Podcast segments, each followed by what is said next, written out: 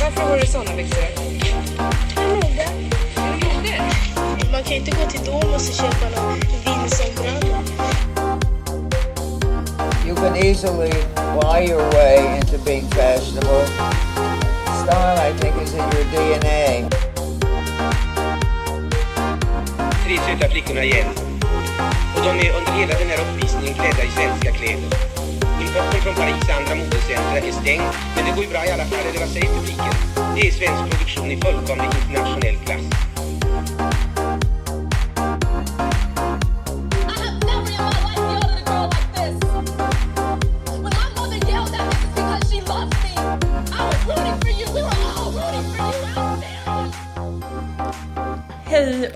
Välkomna till avsnitt nummer Två.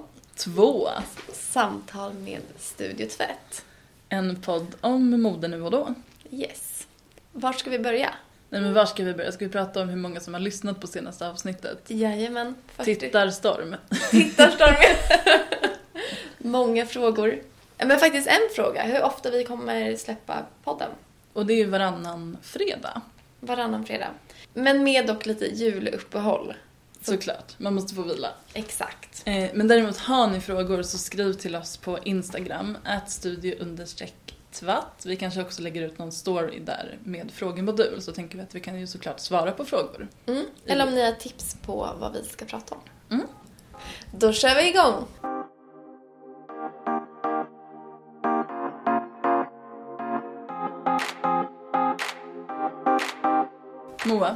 Kan inte du berätta vad du har på dig idag? Eh, jättegärna. Eh, jag har på mig en Emilio Pucci-klänning, eller blus. Vad ska man säga? Tunika. För den är kort. Den är kort, men den är liksom lite för kort för att kunna vara en klänning samtidigt. Eh, den är väldigt mönstrad och färgglad. En av hans klassiska mönster skulle jag vilja säga. Psykedeliskt. Psykedeliskt, ja. Han var ju, han var ju lite inspirerad av de här, vad heter de här man tittar i? Kaleidoskop. Exakt, precis. Och det här kom väl efter det tror jag någon gång. Eh, och sen har jag, till det har jag också matchat då med en eh, grön kjol. Och det är för Pucci är ju liksom i gröna och blå nyanser. Exakt. Och sen så är då även kjolen i lite, vad ska man säga, ärtgrön. Och lite kortare. Så att jag skulle väl säga att jag är typ en tonåring på 50-60-talet. 60-talet. Och sen också det här med att den är så himla kort så att den känns för kort för att vara klänning. Mm, jag- man, man har ju sett bilder från 60 och 70-talet. De kunde ha rätt korta klänningar i slutet Ja. på 60-talet. Definitivt. Jag tror att den här någon gång har använts av någon som en klänning. Med höga stövlar till kanske. Höga stövlar. Vilket jag också hade på mig idag. De är lite mer moderna, men det var ändå höga stövlar. Men du är en jättecool brud från typ 60-tals. Mm. Jag ska snart ut och dansa. På någon väldigt het klubb. Ja. Kommer köa. Alexandras. Nej, kanske var senare. Ja, jag vet inte.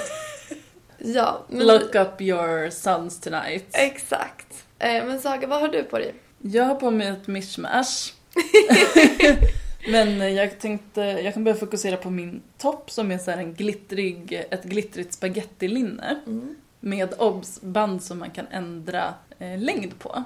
Kommer ni ihåg sådana band man hade när, när man var yngre? Som, man, som nästan som bh-band Mm. liksom. Otroligt. Och det är en liten stjärna med strass på mitt fram mellan brösten. Mm. Den är ganska kort men oh, den är från H&M Divided tidigt 2000-tal. Ja. För den här hittade jag, alltså när jag var typ 14, 13-14 så gjorde jag en sån här tidskapsel. Och då la jag massa saker som var så typiska för tiden i den och la upp den på vinden. Mm. Och eh, frågan är om jag hade tänkt att den skulle öppnas hundra år senare av liksom någon random som skulle hitta den. Wow. Eh, Men nu var det jag själv som valde att öppna den för typ två år sedan. Tyckte att det hade gått tillräckligt med tiden då. Mm. Och eh, tyckte att den här toppen var så himla fin så jag har ju börjat använda den. Den är jätte, jättefin. Eh, Men den är alltså något som jag faktiskt också hade på mig som tonåring. Ja. Så att jag jobbar väl lite på min egen tonårstid idag med min outfit. Mm, men jag tycker vi matchar varandra bra. Det är kul teman. Sen valde jag att matcha den till typ en plisserad grå kjol som Mm. kanske är en liten blinkning då till 40-50-talets tonårsmode. För där kanske man kan tycka är liksom, ja men en plisserad, alltså veckad brudkjol kanske känns lite tantigt idag. Men på den, alltså, dagens tanter har ju också varit unga och då var det ett tonårsmode. Ja, och den är ju också i jersey-tyg. Mm, den är lite modernare så. Exakt, vilket också var väldigt modernt då. Faktiskt. Och även en cardigan hade man gärna på 40-50-talet i skolan liksom. Jag tror både kjolen och koftan här som jag har på mig hade man kunnat ha som en skol, skolplagg. Vad hade du för stil som tonåring? Eh, jo, men den, den toppen av på dig speglar nog väldigt, väldigt bra. Jag var nog ganska klassisk ändå. Alltså jazzbyxor, linne, platåskor. Hade mycket så här tofsar. Den kommer ihåg så här luddiga tofsar, tofsar Ja. som hade så här, var lite trådiga. Men de var så fina. Typ lite så här, inte crunchies utan 2.0 crunchies. Mm. Ja, men jag tror vi hade blivit bra kompisar. Det beror på när du hade träffat mig. För att så här, jag som tonåring hade ju olika stilar varje år. Så att från typ 11 till 18 bytte jag ju stil varje år. Så att det här var ju min stil när jag var lite mer mainstream. Ja. Sen hade jag punk och det var indiepop och eh, hippie. Allt möjligt. Så att Ja, jag, jag har i och för sig också kört hiphop. Punk hade jag en kort, kort period. Men man måste testa sig fram. Och idag kör jag 60-tal. Ja men snygga är vi och vill ni se bilder så vet ni var ni ska titta.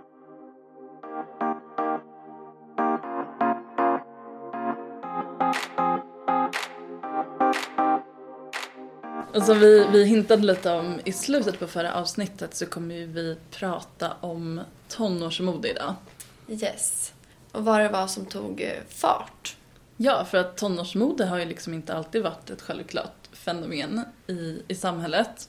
Nej, verkligen. Det var väl mer eller mindre obefintligt ett tag. Där det mest var fokus på mannen, damen och eh, barnen. Och, och barnen, om man har sett gamla tavlor och gamla bilder från liksom några hundra år tillbaka så ser man att barnen är klädda som små vuxna. Exakt. Det är små Det är tanter och farbröder. Miniatyrer. Och det kanske inte var så himla bekvämt att leka i, men det var så det skulle vara. Propert. Men det fanns liksom inga tonåringar heller för att man, man kanske gick i skolan några år och sen när man var typ 12, 14 i alla fall, då började man jobba. Så att det fanns ingen tid att göra såna här tonårsgrejer som man kanske tycker är klassiskt idag. Att tonåringar, de går ut och festar, de hänger ute, de går på bio. Det fanns ju inte ens bio för. Alltså så här, Nej, det var helt annat. Men när skulle man säga att tonårsmodet tog fart? Ja, alltså jag skulle nog säga att det alltid varit pyttelite skillnader. Men som att eh, det var kanske vid en viss ålder som tjejerna bör, började gå över till korsett till exempel som underkläder. Då var man kvinna.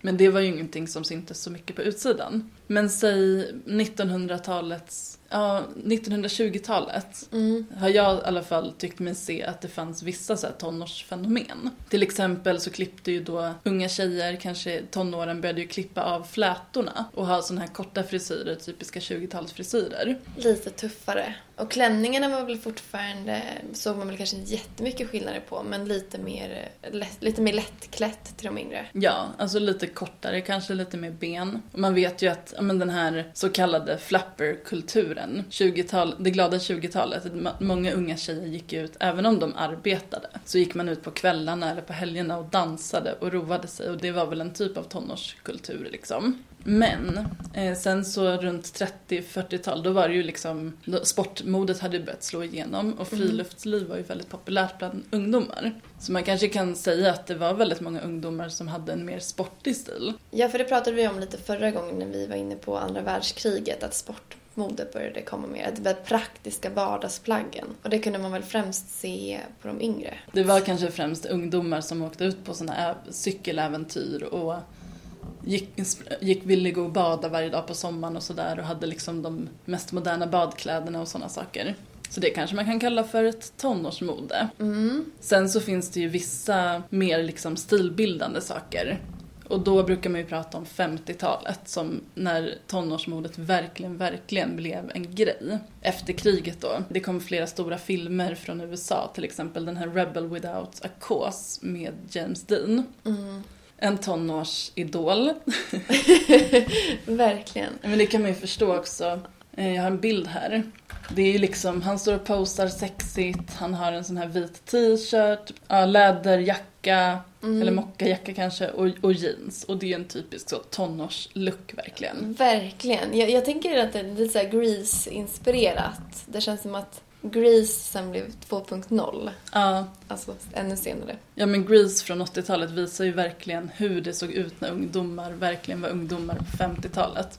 Och det de gjorde också, de åkte runt på såna här utomhusbio, de köpte milkshakes, de satt och åt hamburgare, de festade, de rökte.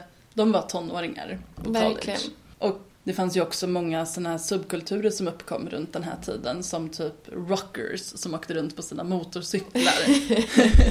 det, var, det, uppkom flera liksom subkulturer, lite så här gängliknande nästan med tonårs, ofta tonårskillar men tjejerna var väl också med på ett hörn där. Som ibland hade rivaliteter mellan varandra. Det var Grupper mot grupper. grupp mot grupp och eh, de hängde runt, ja men det här rebel without a cause. Man ville kanske göra lite uppror och ville kanske hitta på lite bråk och så, u- egentligen helt utan anledning. Lite som tonåringar gör liksom. Verkligen. Och sen tror jag det fanns en sukt efter det, efter kriget och allt som har Ja, varit. slå sig fri. Ja, ungdomarna ville vara lite mer rebelliska. Och som sagt att de faktiskt hade tid att vara tonåringar. Ja, men på 50-talet så gick ekonomin upp och det var fler tonåringar som kunde gå i skolan och ha mer fritid efter skolan och bara hänga runt. De behövde inte arbeta lika mycket som deras föräldrar hade gjort. Liksom. Sen så skulle jag ändå säga att även om 50-talet är där vi kan se liksom, de största tonårsidolerna slå igenom, som James Dean, så, så hade vi faktiskt ett par ganska kända influencers som enligt många, och speciellt enligt dem själva, tog tonårsmodet till Sverige.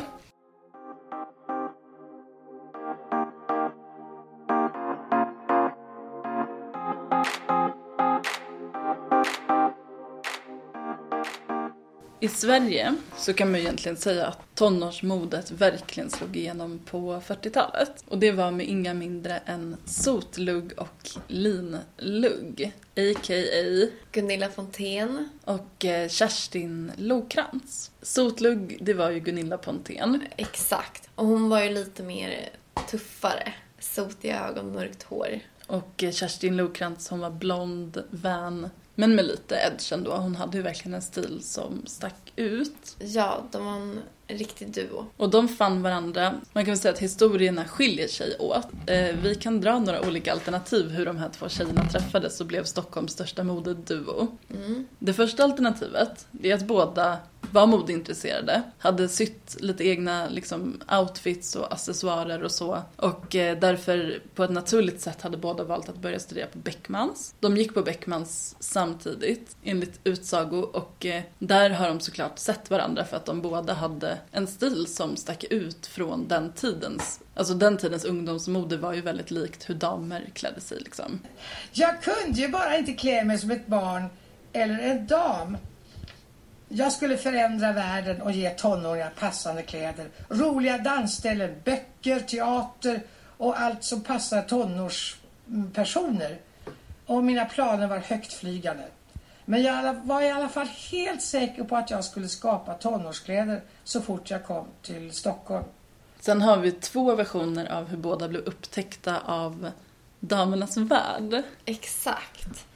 Eh, för Gunillas berättelser, jag, eller vi båda har lyssnat på hennes sommarprat. Och eh, hon hade ju då, upp, hon är ju uppvuxen eller född i Stockholm men hade bott en tid i Skövde. och hemkommen till födelsedagen, födelsestaden 1947. Lycklig över att ingen rektor längre bestämde mitt klädval gick jag på stan klädd i vita damasker, pepitarutig ulldräkt, lammullspolo i naturvitt och en liten keps. Och då blev jag upptäckt av en mycket känd och begåvad journalist vid Marianne Höök som då var chefredaktör på Damernas Värld. Hon såg mina kläder och tyckte jag var spännande och underbart klädd. Ja, Kerstin, i hennes sommarprat från 1997 som jag har lyssnat på så berättar Kerstin en liknande historia som faktiskt involverar båda två och inte bara Gunilla. Så Kerstin menar att eh, både hon och Gunilla blev upptäckta på stan eh, vid olika tillfällen. Och eh, Kerstin Herntz, som var moderedaktör på Damernas Värld, var den som upptäckte Gunilla Pontén på Norrmalmstorg. Och eh, Marianne Höök då, som var chefredaktör på Damernas Värld, hade upptäckt Kerstin också på stan då. Mm. Men att det var liksom vid olika tillfällen, men att redaktionen då förde ihop de här två för att de skulle plåtas som modeller för Damernas Värld, som liksom tonårsmodeller då. Precis. Och att de då träffades via Damernas Värld. Men det kan mycket väl vara Beckmans. Det känns mer rimligt. Möjligtvis var de kanske, du vet så här, de var bekanta och sen blev de riktigt tajta för att de började jobba ihop med Damernas Värld och eh, Damernas Världs moderedaktörer. Vi pratade ju lite om hur Gunilla var klädd när hon blev upptäckt och det var ju så att men båda hade en stil som stack ut. Eh, Kerstin hon, tyckte, hon ville alltid ha korta handskar.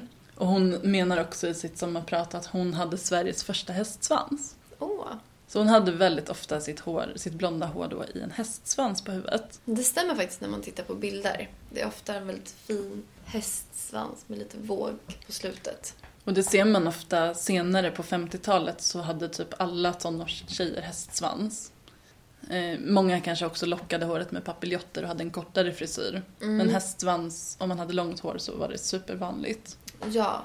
Eh, Gunilla Potén beskrev ju att det fanns ju då inga frisörer som kunde klippa tonårsfrisyrer. Jag klippte håret själv med nagelsax för att få det rätta spretiga utseendet. Ingen frisör kunde ju klippa unga frisyrer på den tiden heller. Så det var, det var man tvungen. Inte särskilt proffsigt precis. Men eftersom jag hade självlockigt hår blev det riktigt schysst. Och många har kanske sett Gunilla Pontén under senare år. Hon har en karaktäristisk eh, liten lugg och en kort liksom page. Och det tycker jag påminner lite om 20-talets frisyrer. Jag tror, hon nämner också att hon var väldigt inspirerad av 20-talets stil. Verkligen. Och liksom, vad var det då som stack ut? Det var ju bland annat att de färgade sina plagg. Men som färger som man inte hade på färgkartan på den tiden. Jag tillverkade på löpande band en massa snörliv, broscher, armband, hattar och så eh, kläder naturligtvis. Och jag köpte hattkapliner i filt. Kaplin är nämligen stommen till det som sen ska bli hattar. Och kaplinen klipptes av ner till och blev en djupkullig underbar hatt i turkos, oliv, cerise, svart och ärtgrönt. Och så lämnade jag i väskor och skor för infärgning i ton med hattarna. Bruna konduktörsväskor och barnmorskeväskor blev nu chockrosa, ärtgröna, oliv, mörklila och turkos. Ärtgrön hon också. Som du har på dig. Exakt. Eh, mycket kontraster. Det ser man också i stylingen för att ja, när de blev fotade då så stylade de ofta sig själva ganska mycket. Och Kerstin Lokrantz gillade till exempel att matcha långbyxor, som kanske inte var jättevanligt på unga tjejer på den tiden, med sin farmors gamla romantiska blus. Så det var kontraster. Blanda gammalt och nytt. Och eh, ja, men den här stilen gjorde ju att de blev välkända profiler i Stockholm. Och eh, jag tycker att det är ganska tydligt att båda, båda uttrycker verkligen att så här, på den här tiden så väckte deras stil ramaskri bland många. Ja, många äldre, de hade ju... De fick ju hur mycket brev som helst skickade till sig. Och de hade en hel fanclub, som Gunilla beskriver. Och där många äldre var lite mer rasande och upprörda över hur de klädde sig. Medan de var väldigt hyllade av de, den yngre. Och det var ju att folk, så fort de visade sig på stan så vände sig människor om för att de stack ut så mycket. De stannade, stirrade och pekade som om jag varit E.T. som kommit ner på jorden. Ja, det hände även att bilar krockade.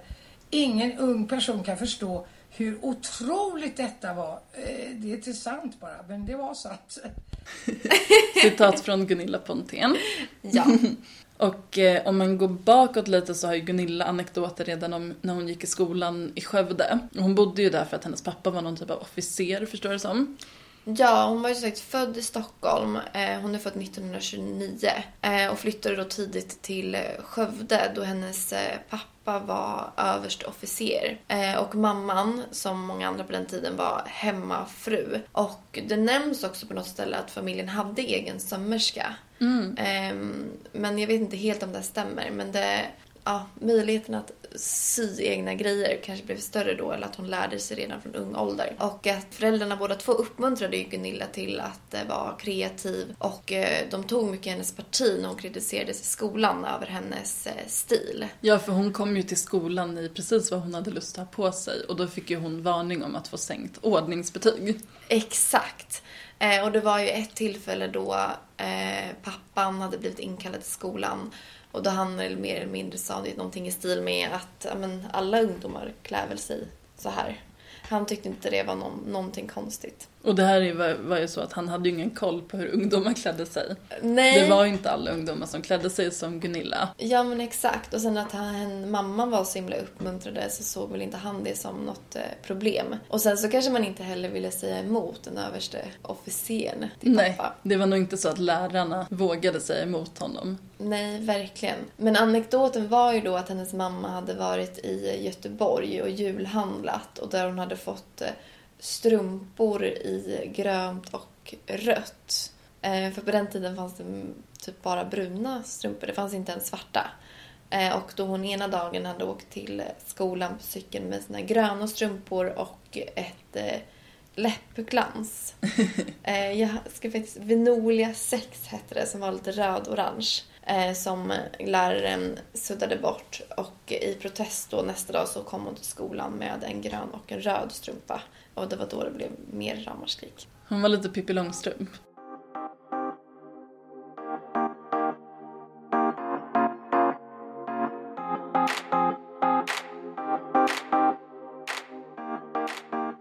Men Kerstin, hon har ju också liksom en, en lite så fri bakgrund kan man säga. Eh, hon, hon växte upp i Stockholm, hon bodde på Söder och föddes 1928. Och eh, i hennes familj, Eh, hennes moster var en period gift med Ernst Rolf. Som var ju en stor, eh, han gjorde ju liksom låtar och kupletter och hade väldigt mycket scenframträdanden. Och hennes moster jobbade med kostymer på 20-30-talet så. Så att eh, det var en guldgruva för Kerstin. Hon fick liksom tygstuvar från sin moster med såna här glammiga, glittriga tyger. Och hon visste redan som sexåring att hon ville bli modetecknerska. Så, ja men även så som 10 och 12-åring så fick hon till och med hjälpa till i teaterateljén själv och sy saker. Gud vad härligt. Mm. Så det var ju en spikrak väg för henne att hon ville bli, eh, att hon ville jobba med mode och att båda senare började på Beckmans var ju inte jättekonstigt. Eh, Det var också, på tal om föräldrar, så, så sa eh, Kerstin hade problem med matte i skolan och fick väl kritik från lärarna. Och då sa mamman bara så här, men du behöver väl inte kunna räkna, du ska ju bli modetecknerska. De hade Det var redan hemifrån. bestämt. Ja. Alltså jag kan ju tänka mig att det fanns andra unga tjejer på den tiden som kanske jättegärna ville jobba med mode men inte fick för att de hade lite strängare föräldrar. ja, man skulle arbeta eller plugga någonting. Ha ett riktigt yrke. Verkligen. Det var ju inte alla som ens pluggade vidare på, på 40-talet som de gick på Beckmans. Det var, det var inte alla som pluggade vidare. Nej. Gunilla gick först på Tillsjöakademin och sen så på Beckmans. Eh, och lite inspiration som Kerstin Lokrantz hade liksom under sin uppväxt, det var ju Shirley Temple som var den här stora idolen. Eh, och hon hade ju alltid lockigt hår i papiljotter. Och eh, en speciell typ av klänning som kallades Shirley Temple-klänning. Så det minns också Kerstin då att hon fick en sån klänning som såldes på NK. Och ville vara precis som Shirley Temple när hon var liten. Problemet var att hon hade spikrakt hår så att hon hon nämner att i tio års tid så, hade, så sov hon med papiljotter varje natt. Åh gud vad kämpigt. Hon kämpade så för det var verkligen tabu att ha rakt hår. Till och med på väg till dansbanan så hade hon ofta en scarf över papiljetterna. Så tog hon ut dem när hon kom fram.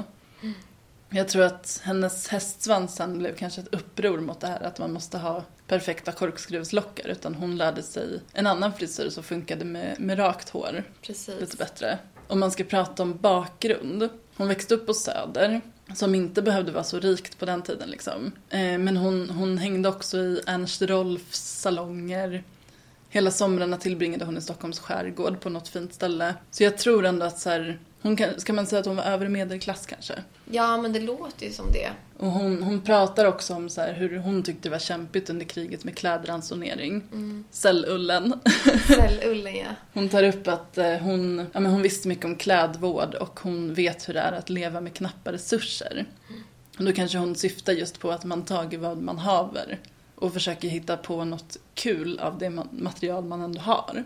Men hon kanske inte menar att hon levde med knappa res- resurser som att hon var fattig, det tror jag inte riktigt. De, men de hade också hemsömmerska som kom hem till dem och sydde en vecka på våren och en vecka på hösten. ja men det låter lite som övre medelklass.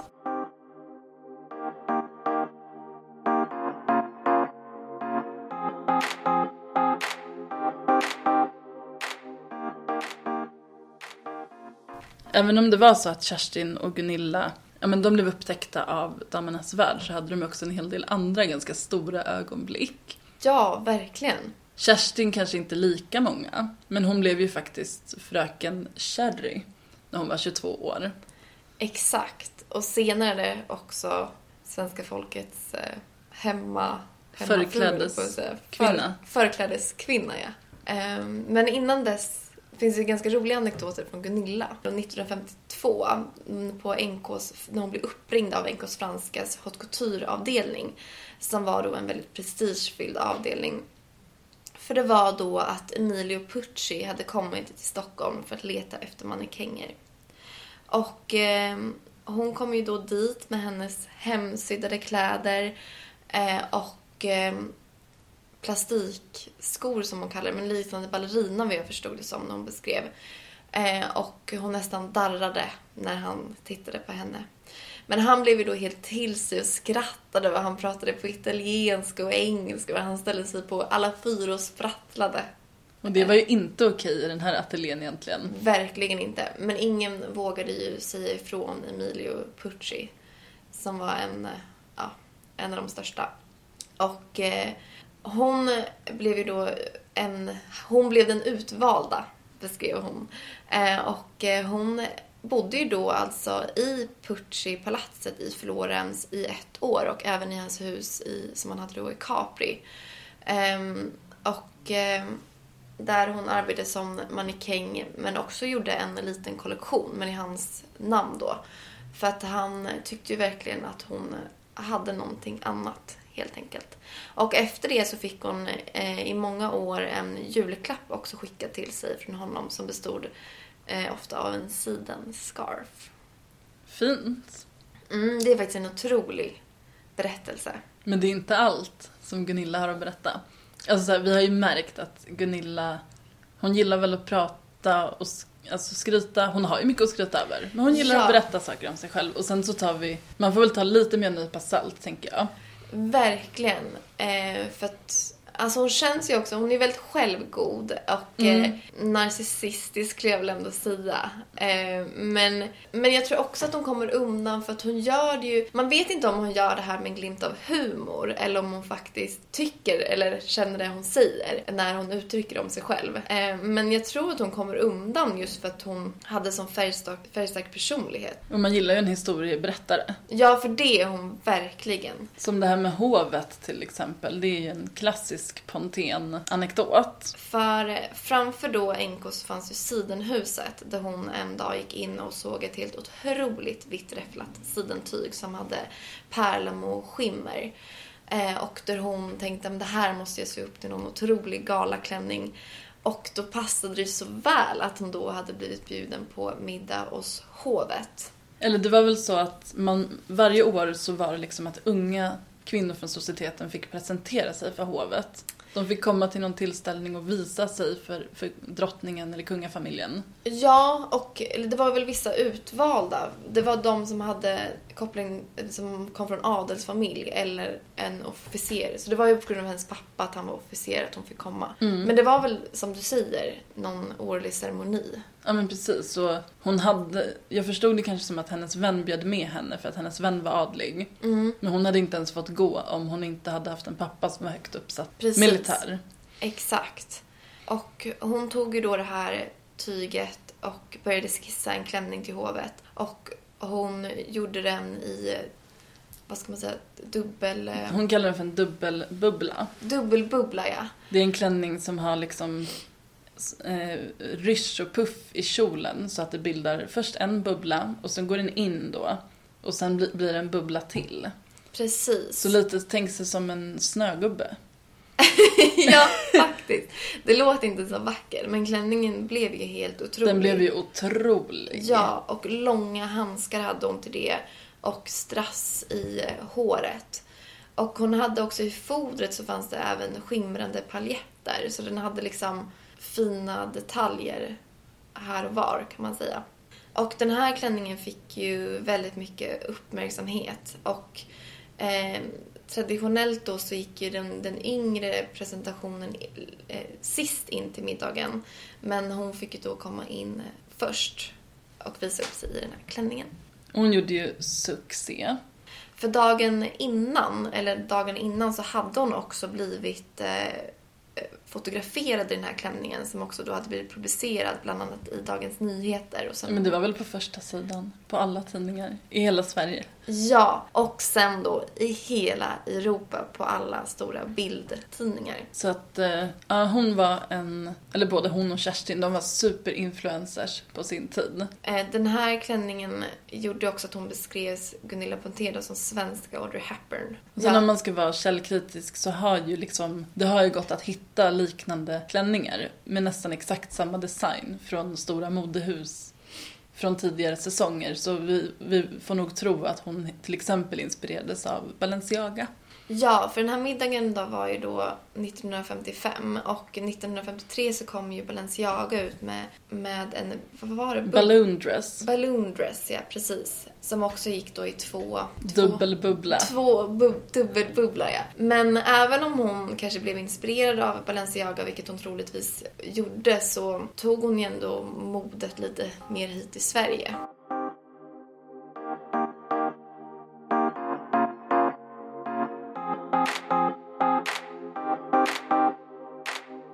Vana trogen så har ju jag bläddrat i mitt privata tidningsarkiv och lyckades faktiskt hitta lite bilder på linlugg och sotlugg i några gamla Damernas Värld som jag har. De är från 52 och 51. När de, det var väl liksom deras prime som, som kända stilikoner. Och eh, det är ett modereportage som heter bara Jag står i regnet och väntar på dig. Den som har varit moderedaktör för det här reportaget det är just Kerstin Heinz som vi nämnde tidigare. Som ju var en av dem som upptäckte Kerstin och Gunilla. Och eh, deras stil är väl liksom Idag hade man ju inte som sagt, man kanske inte hade höjt på ögonbrynen över deras stil. Det är trenchcoats med skärp i midjan. Det är väldigt snygg styling liksom. Verkligen, och det är väl det där skärpet i midjan som jag kan tänka mig att de kanske tog med hemifrån och tuffade till det lite. Och så ser man att Gunilla på bilden har en sån här harlekinrutig typ scarf under sin trenchcoat som sticker fram. Det är också väldigt ikoniskt för henne. Verkligen. Och sen de här färgerna som bryter av som även Kerstin har på sig med de här där svarta och röda. De har ganska kraftigt sminkade liksom sotade ögon. Gunilla lite mer. Jag tänker på den här krigsmålningen som vi pratade om i förra avsnittet. Där man hade lite mer makeup. Fast här skulle man nog inte betona det som krigsmålning. Men Så det kanske man kan säga är typiskt för tonårsmode på den här tiden. Lite mer synlig, inte så diskret. precis, den här klassiska svarta kajalen. Eh, Och det här är ett höstreportage så att det är mycket kappor. Sen har de också speciella hattar på sig som känns lite 20-tal här. Eh, som Gunilla kanske också har tagit med sig då från hemma från lagret. Men man kan ju verkligen se att de är en duo. De, eh, det är väldigt lekfulla bilder. De synkar ju varandra väldigt eh, väl. Det känns väldigt som att de har spelat lite teater medan de spelar fotar. Och sen eh, i Damernas Värld från 52 så är det, på, på framsidan så är Kerstin Lokrantz på bild som omslagstjej och så, så är det ett reportage som heter Ung idag. Stort specialnummer för första gången i Sverige.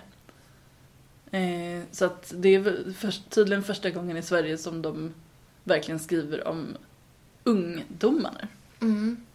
Ja, det blir ju tydligt här att de var dåtidens stora influencer och modeikoner. Det är inte bara vi som vill liksom lyfta upp eh, ja, men Kerstin Lokrantz till exempel som modeikon utan det har också startats ett konto på Instagram med hennes namn. För man ska väl säga det att Gunilla och Kerstin har det ju talats väldigt lite om. Eller man kan ju tycka att de kan lyft, skulle ha lyfts mer. Gunilla har ju gjort det med sitt märke och sen att hon hade en utställning på Nordiska också. Hon har lyft sig själv också. Och lyft sig själv, exakt. Eh, Men Kerstin eh, har det ju inte pratat lika mycket om. Nej, det är ju väldigt få idag tror jag som vet vem hon var och vad hon faktiskt gjorde för svensk modeindustri. Verkligen. Och de som har startat det här eh, kontot på Instagram som heter Kerstin Lokrans har de väl också gjort för att eh, lyfta henne mer från historien. Jag tror faktiskt att det är hennes dotter som ligger bakom kontot, om jag inte minns fel. Så de har samlat massa bilder från arkiv och från gamla tidningar på Kerstin. Och det finns ju hur mycket som helst. Ja, verkligen. Alltså hon har ju varit på varenda omslag och verkar det som när man tittar på det här. Jag, jag skulle gissa att de lobbar för att det ska komma kanske i alla fall någon utställning eller någon bok om, om hennes liv. Det vore otroligt faktiskt. Vi försökte ju hitta det inför den här podden om det fanns någon biografi eller sådär. Men det finns det inte tyvärr än. Men hoppas att det kommer. Men på det här Instagramkontot i alla fall så ser man ju dem ofta porträtteras eh, tillsammans från damernas värld. Eh, här är någon bild med också skärp i midjan. Och eh, vit klänning, också det här kontrasten mellan svart och vitt. Och här har ju också Gunilla redan väldigt så här märkbara smycken. Ja, Eh, som hon kanske har gjort själv. Precis. Kerstin är lite mer elegant skulle jag säga. Och sen om man ska se skillnaden på deras stil och, och andra unga tjejer på den tiden. Då skulle jag verkligen säga att mycket sitter i accessoarerna och sminket just och frisyrerna. Verkligen. För liksom Mycket detaljer. de större plaggen som klänningarna och rockarna, det kunde nog flera, flera kunde nog ha sådana plagg. Men det är stylingen som, som sticker ut här. Och eh, det som hände med allt det här, för det var ju inte så att de stannade vid liksom tonårsidoler och eh, ja, men Damernas värld-duon. Eh, Utan de fortsatte ju sina karriärer.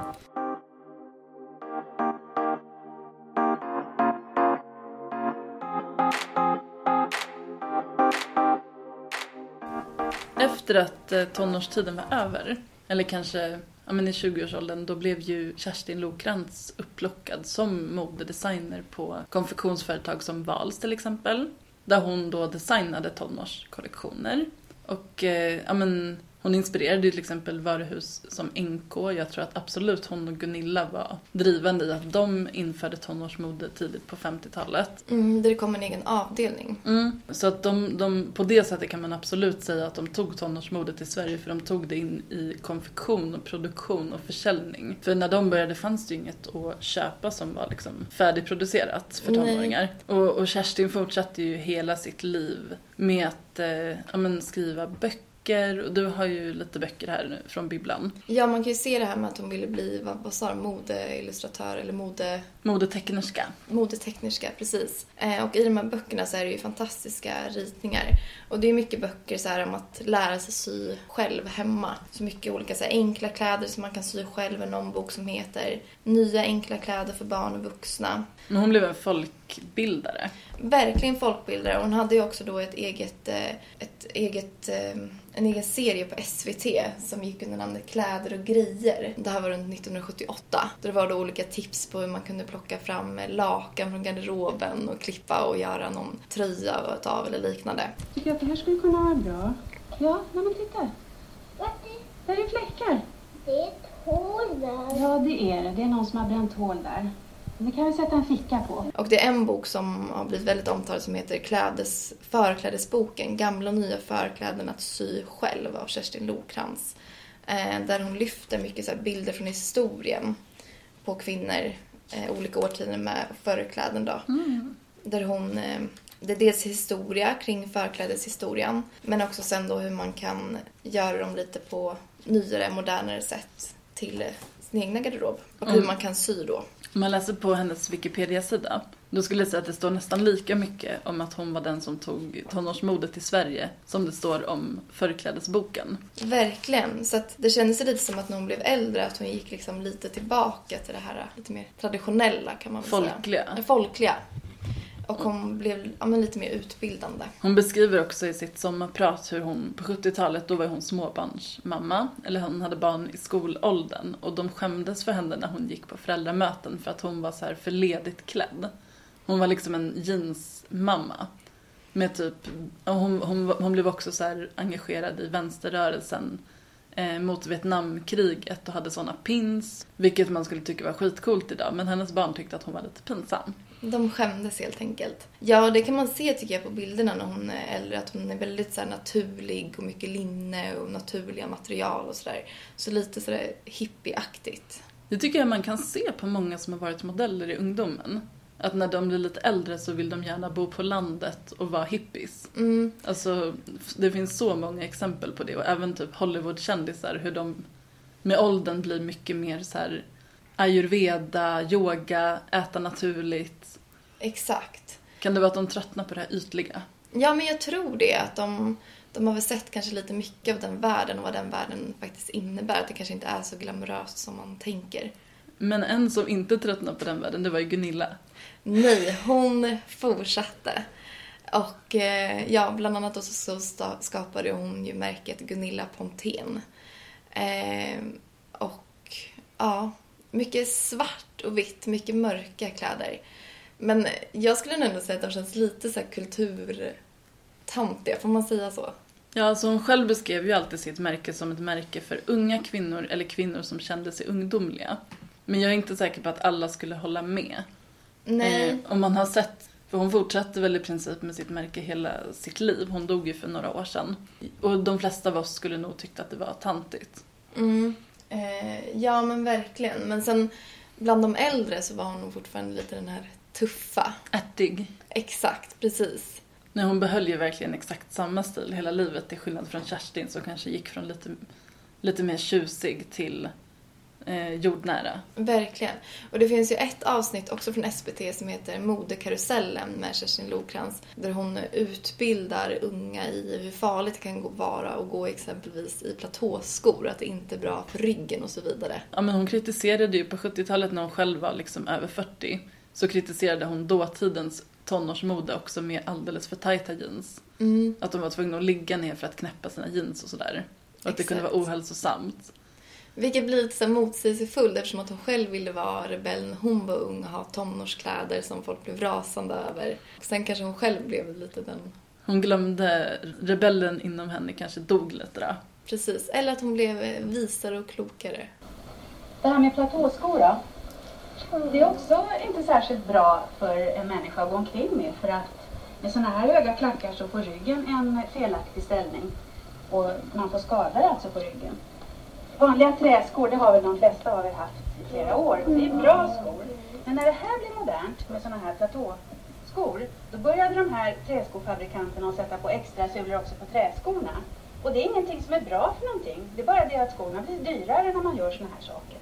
De skorna som är längst ner här, det är platåskor för pojkar. De kostar 450 kronor. Så att det är faktiskt väldigt dyrt med mode också. På sin tid så var ju Kerstin och Gunilla två likvärdiga modeikoner. Men det är nog så att Gunilla är den som har haft mest liksom, uppmärksamhet hela sitt liv och som fortfarande är mest ihågkommen av de två. Och jag tror att det kan ha att göra med att hon har, liksom, hon har berättat sin egen historia. Hon har skrivit sin egen historia. Det gör hon ju mycket också i sitt sommarprat när hon svävar ut väldigt mycket. Till exempel Kerstin har ju alltid varit lite mer lågmäld men jag tycker också att hon förtjänar hon förtjänar att kommas ihåg hon med så jag hoppas att hon kommer lyftas mer framöver. Kanske Verkligen. få någon utställning till exempel. Det har ju Gunilla Pontén fått. Ja, för 2000, mellan 2004 och 2005 hade de en utställning på Nordiska museet som hette Gunilla 50 år. Ja, det var ett retrospektiv på hela hennes karriär då som modeskapare. Exakt. Och där pratar de ju också om den här, um, som jag alltid säger fel, dub- Dubbelbubblan. Dubbelbubblan. Och det var ju från som hon hade då på hovet som var lite olyckligt för den hade tappats bort i någon flytt. Men som de då gjorde en replika av. Men tyvärr kunde man ju då aldrig hitta det där exakta fina skimrade sidentyget. Men den fanns där på utställningen. Och det finns ju bilder som man kan se.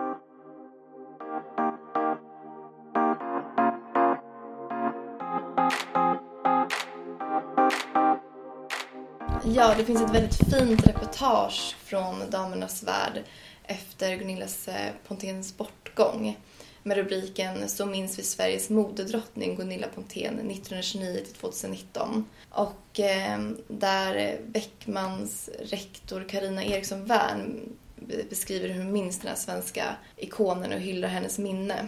Och bland annat är det då att, eh, för hon skrev då en bok, Carina Eriksson Werner, som eh, hette Den svenska modebibeln som gavs ut 2012. Och där Gunilla Pontén självklart fick ett, eh, ett eget stort kapitel om den svenska modehistorien.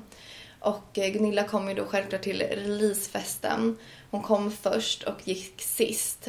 Och morgonen därpå så ringde telefonen vid sextiden. Där citerat från, av Gunilla, eller från Gunilla. Jag har hittat fel i boken, skrek hon med sin, med sin djupa och något hesa stämma. Herregud, nu har, jag, nu har, jag, har ett korvfel gjort henne 30 år äldre, tänkte jag. Det står att Sixten Herrgård var världsberömd, men det var jag, hade Gunilla Pontén då sagt. Och det säger ganska mycket om hennes eh, karaktär. Att hon såg sig själv världsberömd. Vilket hon var också, men hon, hon eh, hyllade gärna sig själv. Hon kanske också gjorde sig själv världsberömd. Precis, men jag tror det var lite hennes eh, godhet var lite hennes grej också. Och som du sa innan, att man vågade nog inte säga emot henne heller. Nej.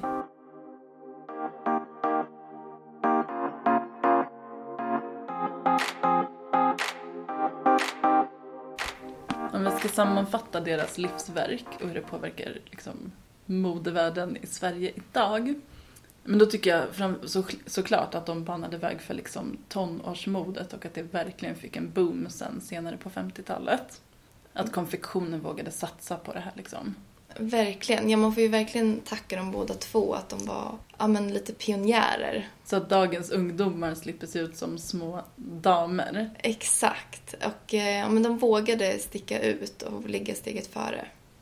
Och eh, sen så Kerstin beskriver i sitt sommarprat hur de såg gatan som sin catwalk. Det var där de gick och visade upp sig och sin stil. Och det, det är ju nog ett tidigt uttryck för svensk street style också, så det tycker jag också vi ska ge dem cred för. Eh, men kanske mest av allt så kommer de kommas ihåg som Sveriges första it-girls. Dåtidens influencers. Och intressant att de liksom blev kända för, egentligen blev de kanske inte kända för liksom vilka personer de var eller just vad de hade gjort när de först upptäcktes utan det var liksom deras stil som de blev kända för. Lite som det kan vara med influencers idag tänker jag. Man blir känd för bilderna man lägger ut på Instagram. Och de vill ju verkligen lyfta att man ska ta vara också på det man har hemma och våga vara lekfull. Jag tror att de var otroligt bra reklampelare också för den svenska modebranschen. Men också att de hade sån synk och var så goda vänner. Eh, och att jag tror också att många inspirerades utav det. Mm. Man ville vara dem. Verkligen. Och det är väl så med influencers. De har ett liv som andra vill ha. Och då får man en fanclub som de ju fick. Mm. Så vi får tacka dem för att, eh, vet inte om vi ska tacka, men i alla fall för att det finns street style, tonårsmode och influencers idag i Sverige. Och har ni inte hört om Gunilla eller Kerstin innan så borde ni verkligen googla dem efter det här avsnittet. Och eh, det finns också jättemycket böcker man kan låna från Kerstin Lokran som vi har gjort på biblioteket. Nästan alla hennes böcker finns där. Då kan man lä- lära sig att sy förkläden efter hennes skisser. Exakt, och även andra kläder. Det är otrolig inspiration. Eh, Och det här är två ikoner som förtjänar att skrivas in i modehistorien om de inte redan har gjort det. Främst Gunilla har det, men Kerstin förtjänar ännu mer uppmärksamhet tycker jag. Verkligen, det tycker jag. De är värda att komma ihåg.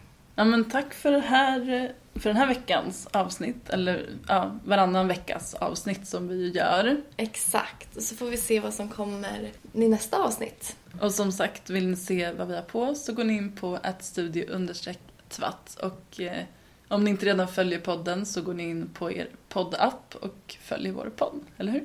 Absolut. Samtal med Studiotvätt. Och nu går vi på jullov så att det kommer vara några veckors paus. Men vi ses Det gör vi. 2023. 2023. Hej då! Hej då! I have one thing to say. You better work. Varför har du såna byxor? Kan ju inte gå till Domus och köpa någon vindsombralla. You can easily lie your way into being fashionable. Style, I think, is in your DNA. Tre söta flickorna igen. Och de är under hela den här uppvisningen klädda i svenska kläder. Importen från Paris andra modecentra är stängd, men det går ju bra i alla fall, eller vad säger publiken? Det är svensk produktion i fullkomlig internationell klass.